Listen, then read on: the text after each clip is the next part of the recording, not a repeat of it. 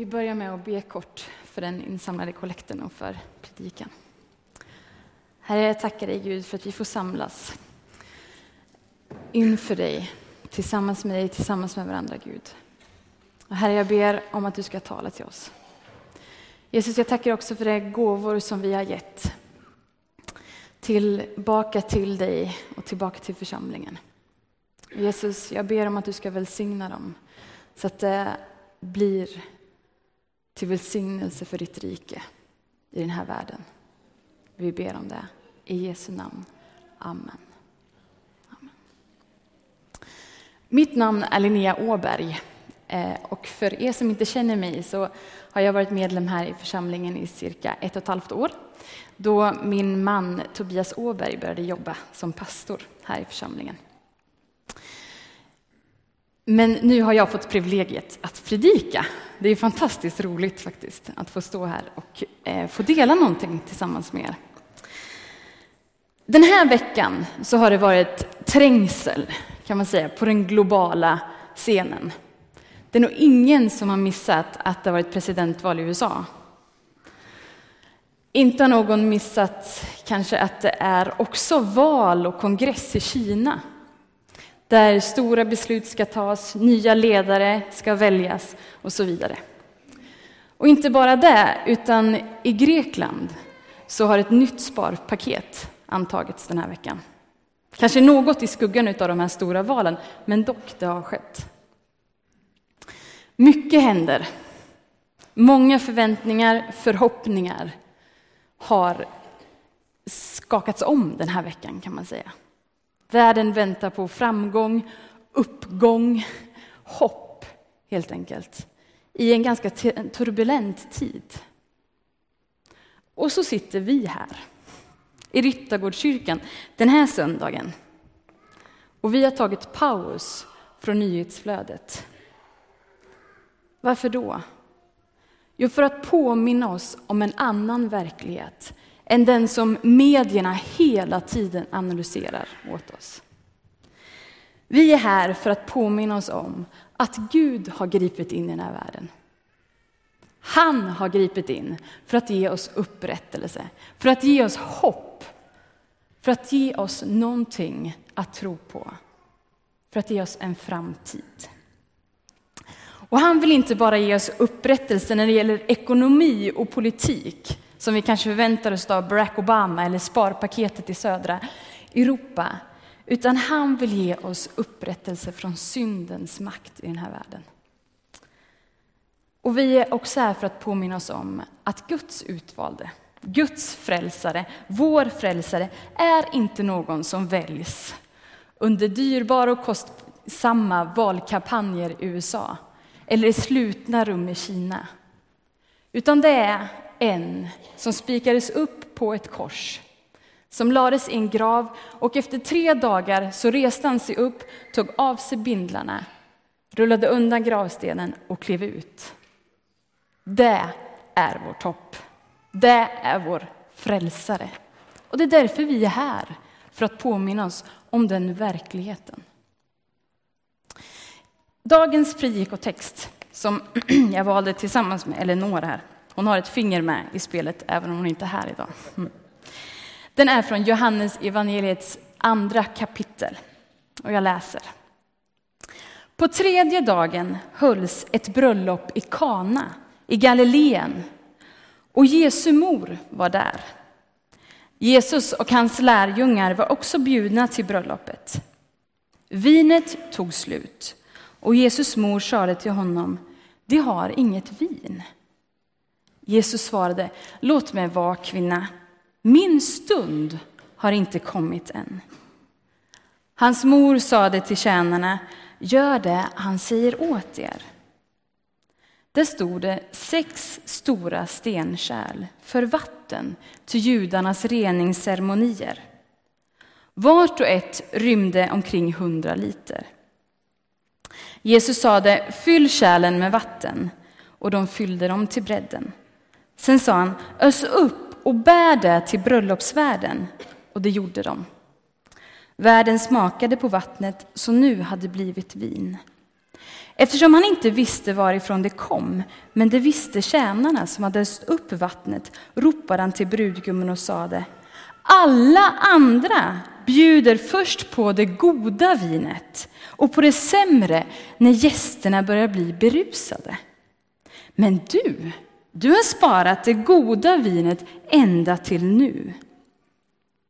Så gjorde Jesus det första av sina tecken. Det var i Kana i Galileen. Han uppenbarade sin härlighet och hans lärjungar trodde på honom. Evangelisten Johannes är ensam om att beskriva det här undren. Ingen annan evangelist har med det här undret.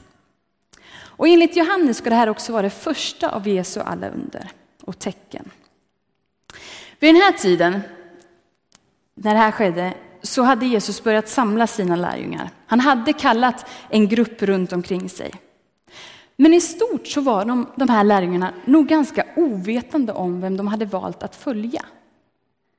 De visste att någonting var speciellt med honom. Därför hade de lämnat sina fiskenät och börjat gå efter, dem, efter Jesus. Men de visste nog inte riktigt vem det var. De hoppades på att han skulle vara Messias. Den som det judiska folket väntade på. Frälsaren som Gud skulle sända för att befria Israels folk. Men de visste inte ännu. Men här i Kana så får de syn på någonting. Jesus och hans nyblivna efterföljare, de var på den här bröllopsfesten. Och Jesu mor var också där. Troligtvis så kanske det var en släkting eller en vän till Jesu familj som skulle gifta sig. Så Maria var där och hon kanske hade varit i köket eller dukat eller något annat sånt där som släktingar gärna får vara med och hjälpa till med på ett bröllop. Hur som helst så verkar det som att Maria har ganska stor koll på festen. Hon börjar veta om att vinet är på väg att ta slut. Och att vinet tar slut på en bröllopsfest vid den här tiden, det skulle innebära en social skam, rent ut sagt, för brudgummen och för brudgummens familj som höll i bröllopet. Vin och mat och allting skulle räcka alla dessa dagar då festen pågick. Så Maria, som verkar vara lite känslig för, för, sociala katastrofer, hon går fram till Jesus som ligger där till bords med sina lärjungar. Hon vänder sig till Jesus. Den man som en gång var ett barn som hon hade burit i sin kropp. Den man som hon hade fostrat, som hon hade matat, som hon kanske till och med hade lärt honom, hon hade lärt honom tala. Till honom går hon fram. Hon vet inte heller vem det är hon egentligen vänder sig till. Hon har inte heller sett vem Jesus egentligen är. Men hon har börjat ana att han är så mycket, mycket mer än vad hon har någonsin sett. Hon säger inte till Jesus vad han ska göra. Hon ber honom egentligen inte om någon särskild handling. Men hon upplyser honom om situationen. Med något slags hopp om att göra någonting. Jesus svarar inte så som Maria kanske önskade att Jesus skulle svara. När Maria kommer och säger att vinet håller på att ta slut så säger Jesus bara låt mig vara. Min stund har inte kommit ännu. Vad är det Jesus talar om när han talar om sin stund? Överallt i evangeliet när Jesus säger min stund eller min timma så blickar det hela tiden framåt mot korset. Jesus stund är den stunden som han har kommit för. Då han ska bli upphöjd och förhärligad. Då Jesu identitet och Jesu uppdrag ska fullbordas. Det är Jesus stund. Så Jesus har alldeles rätt i att min stund har ännu inte kommit. Men trots det, trots det svar som Jesus ger, så verkar Maria ändå ha något slags hopp om att ja, ja, jag känner honom. Jag vet att mitt ord, han kommer lyssna till det i alla fall. Så Maria går till tjänarna och så säger hon, vad Jesus än ber er om, gör det. Och sen går de därifrån. Och Jesus gör någonting. Det är inte så dramatiskt. Det är inte så särskilt stort. Det ser inte ut att bli ett mirakel eller ett stort under. Men Jesus gör någonting. Han handlar. Han ber tjänarna att fylla på sex stycken stora stenkärl. Och det står att de här kärlen rymde det vattnet som Israels folk tvättade sig med innan och efter måltiderna. De tvättade sig och utförde vissa lagar som de var ålagda enligt det gamla förbundet, enligt den lag som Mose hade gett till Israels folk. Så Jesus ber tjänarna, gå och fyll på de här krukorna. Det står att krukorna rymde ungefär ett hundra liter vatten och de var sex stycken. Jag skulle känt, äh, kan du göra det istället? Jag går och sätter mig här och väntar lite. Det finns fler tjänare som kan göra det. För de fick gå ner till brunnen, ha en mindre kruka, ta upp vatten, gå tillbaka och hälla ner i den stora krukan och så gå tillbaka till brunnen och göra så. Gång på gång. 600 liter vatten. Det är rätt mycket. Och så när de är klara så går de fram till Jesus, eller så jag tänker att de gör i alla fall, och säger klara. Och då säger Jesus, bra. Nu kan ni gå och hämta mer vatten och gå och hälla upp på bröllopsvärden. Den grekiska texten säger faktiskt inte att de tog vatten från de här stenkrukorna, utan att Jesus säger fyll på stenkrukorna, gå sen och hämta vatten i brunnen och fyll på hos värden. Jag ska förklara senare varför det var en faktiskt viktig grej.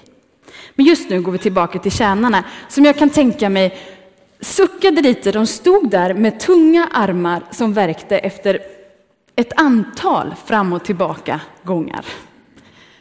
Och ni kan tänka er själva, det kanske inte var så konstigt att fylla på de här stenkärlen, för de tänkte säkert att bröllopsgästerna ska ju tvätta, tvätta sig efteråt, så det är naturligt att de ska ha vatten. Men nu säger den här killen att jag ska gå och hämta mer vatten och fylla på hos bröllopsvärden. Vad skulle den här killen säga? Bröllopsvärden alltså. Hälla vatten i hans vinglas. Nu kommer ju alla förstå att vinet har tagit slut. När han får smaka på det jag går och hämtar ur brunnen, då ser ju han att nu finns inget vin kvar. Men någonting i Jesu ord, eller kanske i Marias ord, det vet vi inte, hon kanske var sträng. Men någonting gjorde åtminstone att tjänarna handlade efter, precis så som Jesus hade bett dem om. Värden sträckte fram glaset. Tjänaren hällde upp i hans glas.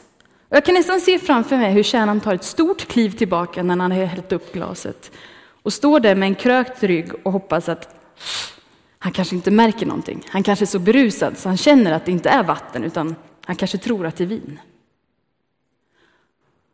Vad förvånade tjänarna måste ha blivit när värden tar sin klunk, sträcker ut glaset med en gest som betyder häll upp mer. Och sen samtidigt vänder sig om till brudgummen och säger vilken dryck!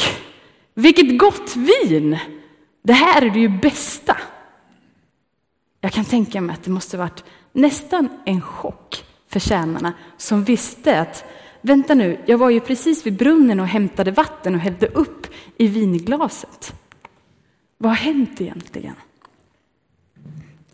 Tjänarna, Maria och lärjungarna som såg det här började förstå att den välbekante Jesus var så mycket mer än bara en god människa eller en inspirerande ledare. Det står att nu började de tro på honom. Bröllopet i Kana uppenbarade Jesu härlighet för dem. Vi, Vi är människor som lever i ett av världens mest sekulariserade länder. Och vi är fostrade och tränade till att tro att världen är sluten. Allting som sker har en orsak som vi kan mäta eller som kan förklara det som sker. Vi lever med den världsbilden att världen är sluten. Det finns inget annat direkt som kan liksom påverka. Vi som kristna är inte immuna mot den världsbilden. Vi är inte immuna mot den här synen av världen som vår, vårt land och vår tid proklamerar, kan man säga. Och trots att vi bekänner en Gud som är skaparen, som har skapat naturlagarna, som har skapat den här världen och som därmed också kan stå över naturlagarna.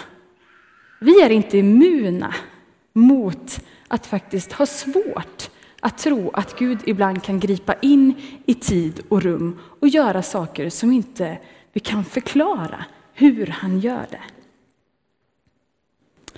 När Jesus gjorde vatten till vin i Kana så är det inte främst för att han skulle lyda sin mamma eller för att undvika sociala pinsamheter som det skulle kunna bli om vinet tog slut.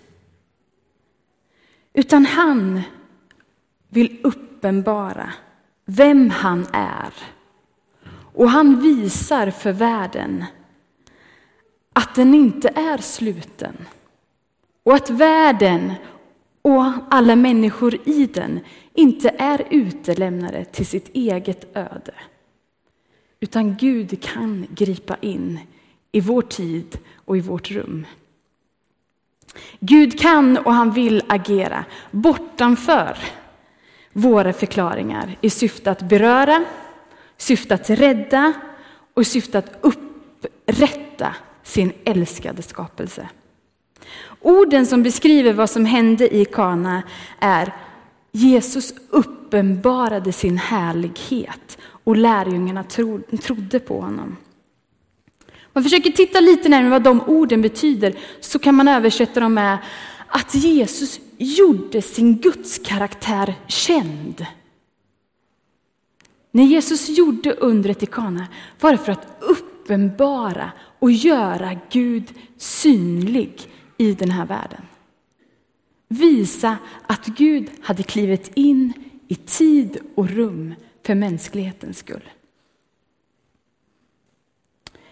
Jag kan tänka mig att när Jesus står där så småler han lite. Han möter de förvånande lärjungarnas ögon. Och han ser att de vet, eller börjar tro åtminstone, att det är Gud som står mitt ibland oss. Det är Gud som har tagit klivet in i det här bröllopet i Kana. Dock är bröllopet inte bara, eller undret i Kana, inte bara någonting som uppenbarar vem Jesus är, utan också vad han är här för att göra. Vi måste förstå att Jesu specifika handlingar, eller handlingarna på det här bröllopet, eh, har en djup symbolisk mening. Det var inte bara något random han kom på att nu ska jag göra ett under här i Kana. Det passade ju bra med ett bröllop. Då när vi läser evangelierna så ser vi att Jesus gång på gång använder de symboler och, och språk som det judiska folket hade för att förklara vem han är och vad han har kommit för att göra. Berätta om de här stenkrukorna som rymde vattnet som judarna skulle tvätta sig med enligt den gamla lagen, det gamla förbundet. I, det här, I den här beskrivningen som Johannes ger av det här undret så symboliserar de här stenkrukorna lagen och det gamla. När Jesus ber tjänarna fylla på de här krukorna och de fyller dem till bredden så visar det för oss att Jesus uppfyllde lagen, uppfyllde det gamla förbundet. Och när Jesus ber tjänarna komma med vatten och hälla det i vinglaset och det blir vin, så symboliserar det för oss att Jesus kommer med det nya. Med ett nytt förbund. Med nåd, med sanning och härlighet mitt bland sitt folk. Det judiska folket, de såg fram emot en tid då Gud skulle gripa in. De såg fram emot en tid då Gud skulle rädda sitt folk. Och den här tiden symboliserades ofta med ett bröllop. Så när Jesus uppenbarar sig där på bröllopet och det första undret sker så uppenbarar sig också sanningen om att nu, det som ni har väntat på, det börjar i den här stunden.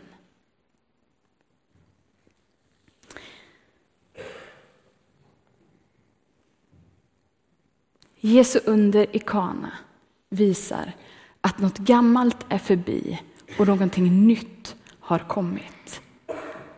Ett nytt förbund utan lag, utan med nåd och med sanning. Där Gud har klivit in i vår tid, vår historia, historia och i vår värld för att upprätta skapelsen, för att upprätta Guds rike mitt ibland oss. Vi ska snart få dela nattvarden tillsammans. Tillsammans med Gud och tillsammans med varandra som Guds folk på denna plats i den här församlingen. Och var gång vi tar nattvard så tittar vi bakåt mot Jesus stund. Då Gud har gjort det största undret av alla under. Då han har gjort sin härlighet känd för oss genom att kliva in i tid och rum för att dö och uppstå och ge oss möjlighet till ett nytt liv. Men nattvarden pekar inte bara bakåt utan den pekar också framåt. Mot den bröllopsfest som vi ska få vara med och delta i. När Kristi brud, församlingen, Guds folk, ska få sitta tillsammans med Kristus och där Gud själv är mitt ibland oss. Då vi firar fullbordan utav Jesu verk. Då hela skapelsen är upprättad. Allt från tvestjärtar till giraffer och till skapelse och människor. Det pekar nattvarden fram emot.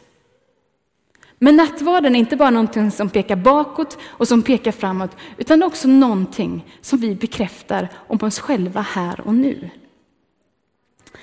När vi tar nattvarden så bekräftar vi och vi bekänner att vi, liksom lärjungarna, har fått se Jesu härlighet och fått se vem han är.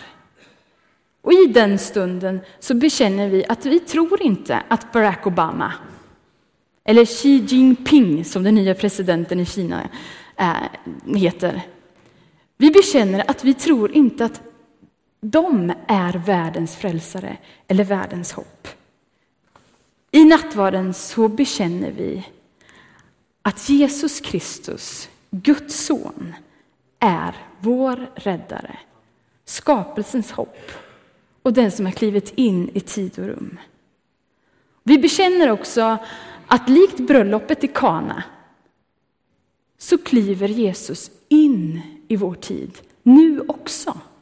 Och han fortsätter att kliva in i tid och rum genom under och tecken för att uppenbara sin härlighet för oss. Och han kommer fortsätta att göra det tills dess han kommer åter. Vi ber. Jesus Kristus, tack för att du har uppenbarat dig för oss. Att din härlighet, din Guds karaktär har blivit känd för oss, Herre. Och Herre, jag tackar dig Gud för att vi lever inte i en värld som är utelämnad till sig själv, Gud. Utan du har gripit in och du fortsätter att göra det. Och Jesus, tack för att vi får hoppas och vänta på den dagen då vi ska få se hela skapelsen med allt vad det innebär vara upprättad. Och Jesus, jag ber om att vi ska få leva i den bekännelsen. I Jesu namn. Amen.